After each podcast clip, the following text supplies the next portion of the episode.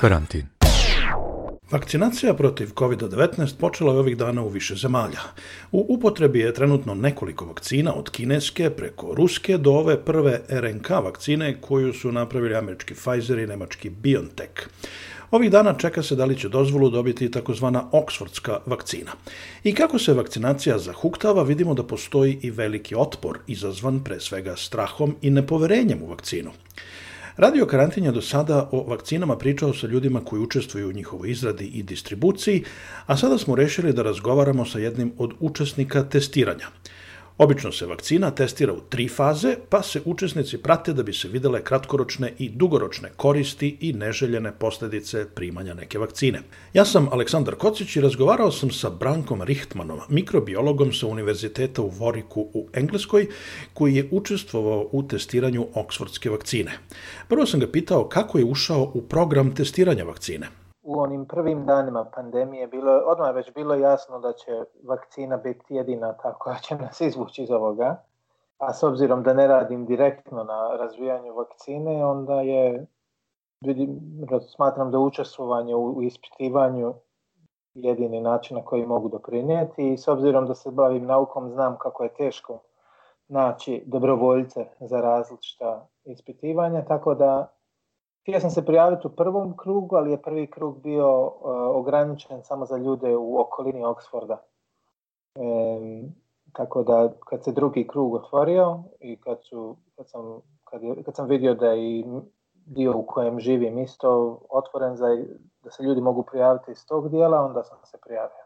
Ja sam inače isto hteo da se prijavim, ali mislim da sam zakasnio i kad sam otišao na website video sam da ljudi iz grupe koje ja potencijalno pripadam da su imali već dovoljno. Kakve ste informacije od njih dobili kad ste se prijavili? Prvo su me pitali, poslali su mi jedan upitnik, formular da popunim sa istorijom zdravstvenom, da li sam imao nekih e, imunih bolesti ili, ili problema sa imunim sistemom prije, da li sam imao e, bolesti koje su nervne prirode. E, I s obzirom da nisam, onda sam popunio formular i onda su me pozvali da dođem na, na pregled, znači na serološki pregled, da vide da li već imam antitijela protiv covid da li sam već bio izložen prije. I tamo su mi objasnili kako se odvija istraživanje, objasnili su mi da kao učesnik u istraživanju nemam nikakvih beneficija, znači neću biti ni prioritizovan za vakcinu kada dođe, ni, naravno nikakve financijske beneficije, mislim nisu, nisu mi ni parking platili. Tako da ovaj, ono, sasvim normalno i objasnili su mi da e, se ispitivanje obavlja tako da polovina učesnika dobije pravu vakcinu, a polovina dobije placebo vakcinu, koja je u ovom slučaju vakcina protiv meningitisa, obična, koju nas je većina dobila u, u djetinstvu. I s obzirom da je vrlo važno da bude double blind ispitivanje, znači da i ljudi koji dobivaju vakcinu, odnosno mi učesnici, i ljudi koji nam daju vakcinu, odnosno zdravstveno osoblje koje, koje daje vakcinu, ne zna koju vakcinu u stvari daje. Tako da su me zamolili da do kraja ispitivanja, što je u roku od godinu dana od dobivanja druge doze vakcine, ne radim samostalno e, serološke testove da ne bi otkrio imam li e, antitijela ili ne. S obzirom da je u, u cilju da se svi učesnici u ispitivanju ponašaju sasvim normalno, kao jednako u oba dvije grupe, jer ako imate grupu koja zna da je dobila vakcinu pravu, onda oni mogu nesvjesno čak promijeniti svoje ponašanje, znači prestati sa mjerama e, zaštite, prestati održavanje e, razmaka od drugih ljudi i onda bi to uticalo na, na vjerodostojnost rezultata. I kako ste se osjećali kad su vam e, dali vakcinu e, ili placebo u onom nekom emotivnom smislu? S obzirom na to da je ovo pandemija koja sad pogađa ceo svet, da li ste imali neki poseban emotivni osjećaj ili ne? Ne, ne mogu reći da sam imao neki poseban emotivan osjećaj. Mislim, jasno mi je bilo i tada i sada da će proći dosta dugo vremena e, da, da, se, da se dođe do vakcine koja je sigurna, tako da sam bio još nisam bio nešto pretjerano, niti me bilo strah, ali nisam bio ni nešto pretjerano. Nisu bile neke fanfare u pozadini. Dobro, a recite mi da li ste imali nekakve strahove? Ne, nisam imao nikakve strahove. Mislim, vakcina ko vakcina.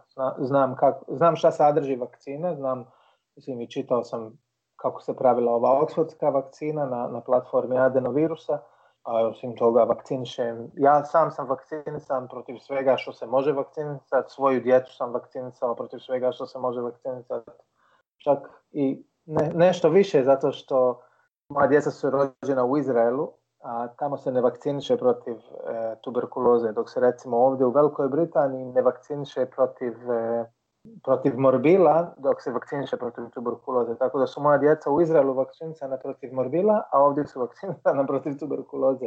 Tako da su vakcinisana više od bilo koje djece u, dru, u, u oba dvije zemlje. Primili ste dve doze? Da. Jednu dozu sam primio u maju, čini mi se, junu, a drugu u septembru. A to je prilično veliki razmak, ne?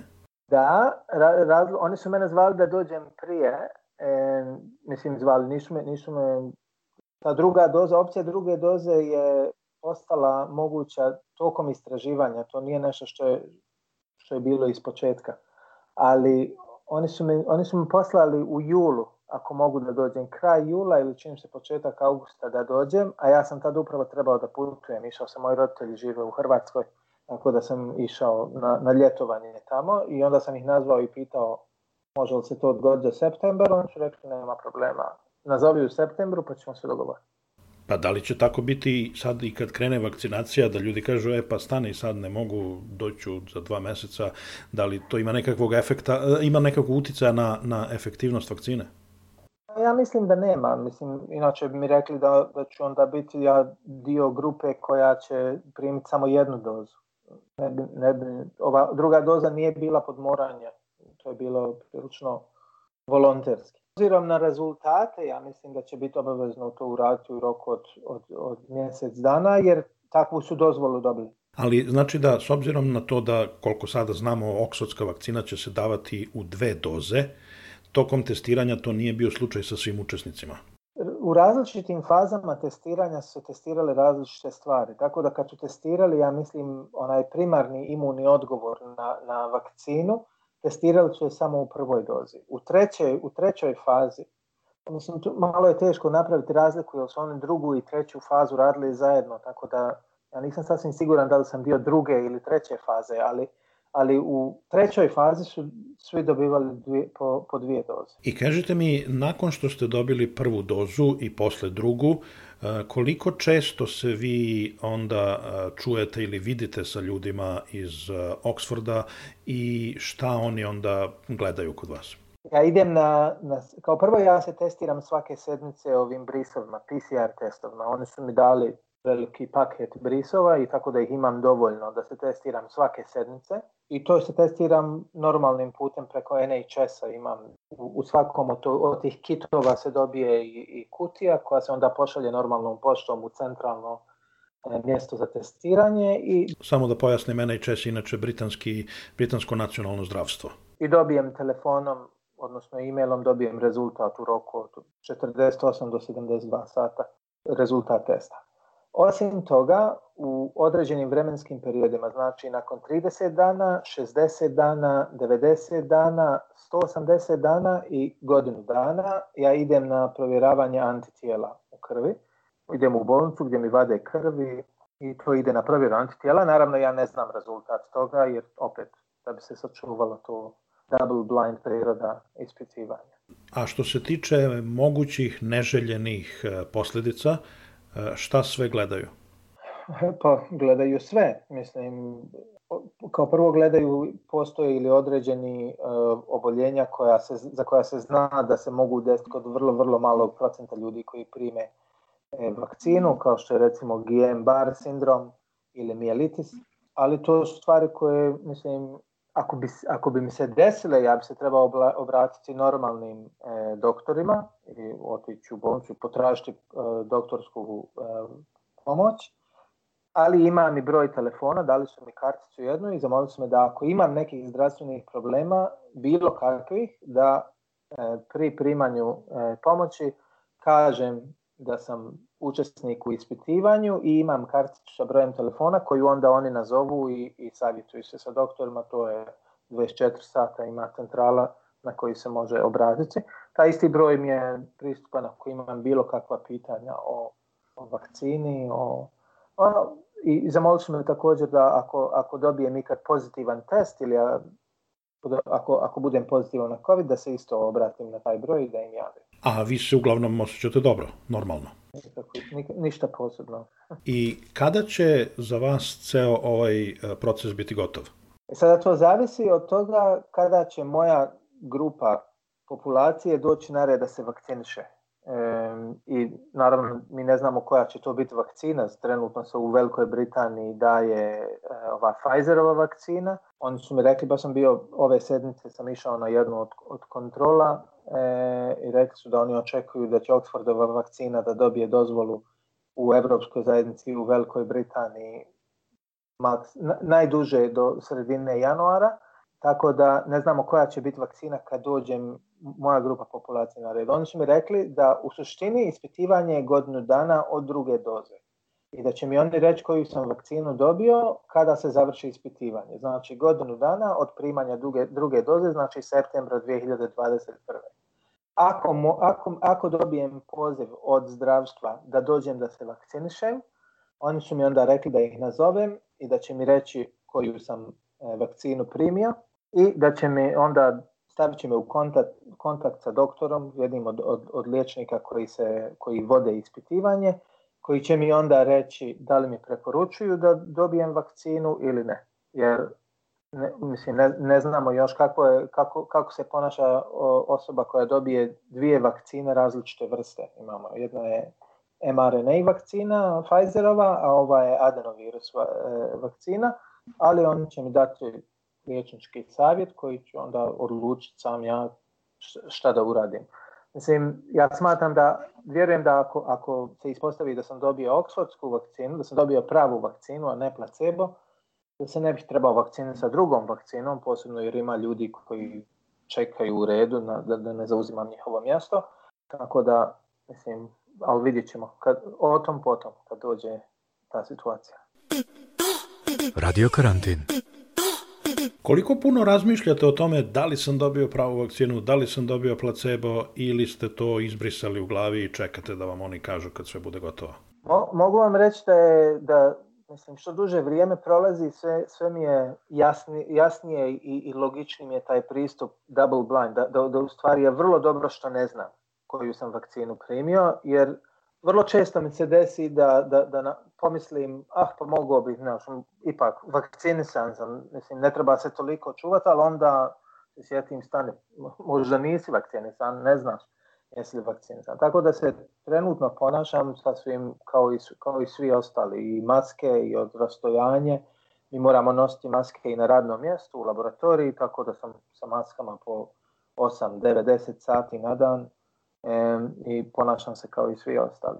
E, poslednjih par e, nedelja je bilo raznih izveštaja, bar ovde u britanskoj štampi, o tome da sa tom e, oksfordskom vakcinom, odnosno sa prezentacijom rezultata testova nije baš išlo sve najbolje, da je bilo nekih nedoumica, da je bilo nekih kontradiktornosti.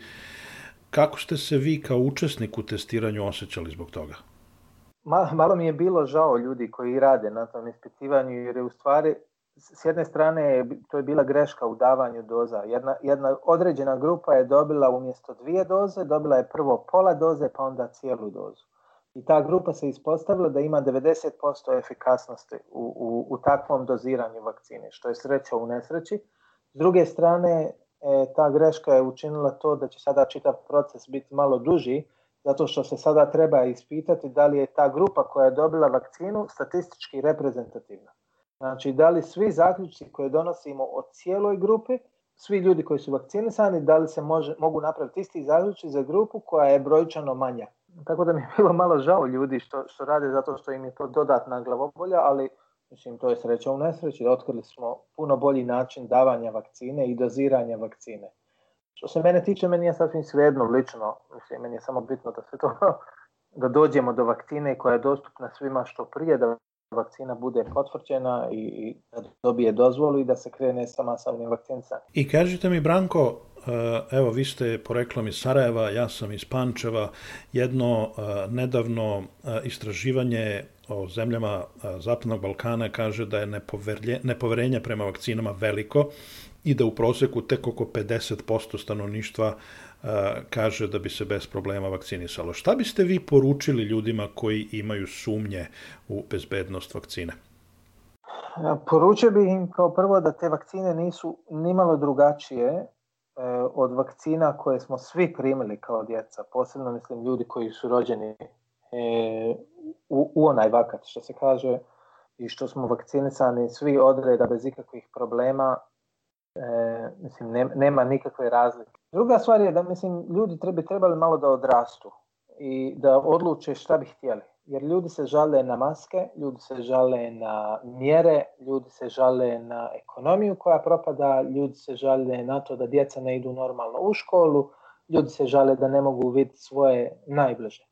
Na sve to ima odgovor, ali onda se i na taj odgovor ljudi žale, jer kažu nećemo vakcinu jer ne vjerujemo. Onda bi trebali odlučiti šta želite u stvari hoćete li da se vratimo u normalan život? Hoćete li da se, da se ekonomija krene, da, po, da ljudi ne gube poslove, da, da, da nastavimo, da možemo putovati opet ili nećete? To je, mislim, jedno veoma ne, nezrelo razmišljanje kao neću ovo, neću ovo, neću ovo, neću ništa u stvari, samo hoću da se žalim. Treba se vjerovat ljudima, treba vjerovat činjenicama, treba vjerovat nauci, mislim, o, pogledajte oko sebe sve što imate, sva tehnologija, svi kompjuteri, svi telefoni je napravljeno uz pomoć nauke i naučne metode. Nema nikakvog razloga da, da se ne vjeruje i vakcinama, ne, ne postoji niti jedan dokaz od ovih. Sve, sve, sve tvrdnje koje se tvrde protiv vakcina su laži i izmišljotine i nenaučna razmišljanja koja bi stvarno bi trebalo ostaviti za nas u tamo nekom 16. 15. vijeku gdje pripadaju.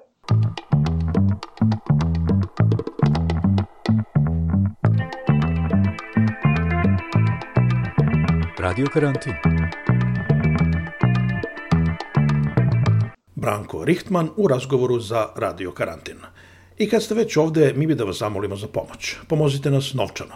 Svaka vaša donacija puno nam znači da pokrijemo troškove nabavke neophodne tehnike, postavljanja podcasta i održavanja sajta. I najmanja vaša pomoć znači nam mnogo. Možete da nam pomognete jednom ili na redovnoj, nedeljnoj ili mesečnoj osnovi. Možete da nam date 1 evro, dolar, funtu ili šta vam zgodno, a može i 100. Jednostavno je i ne oduzima puno vremena. Sve informacije o tome kako da nas pomognete naći ćete na našem web sajtu radiokarantin.eu. Hvala.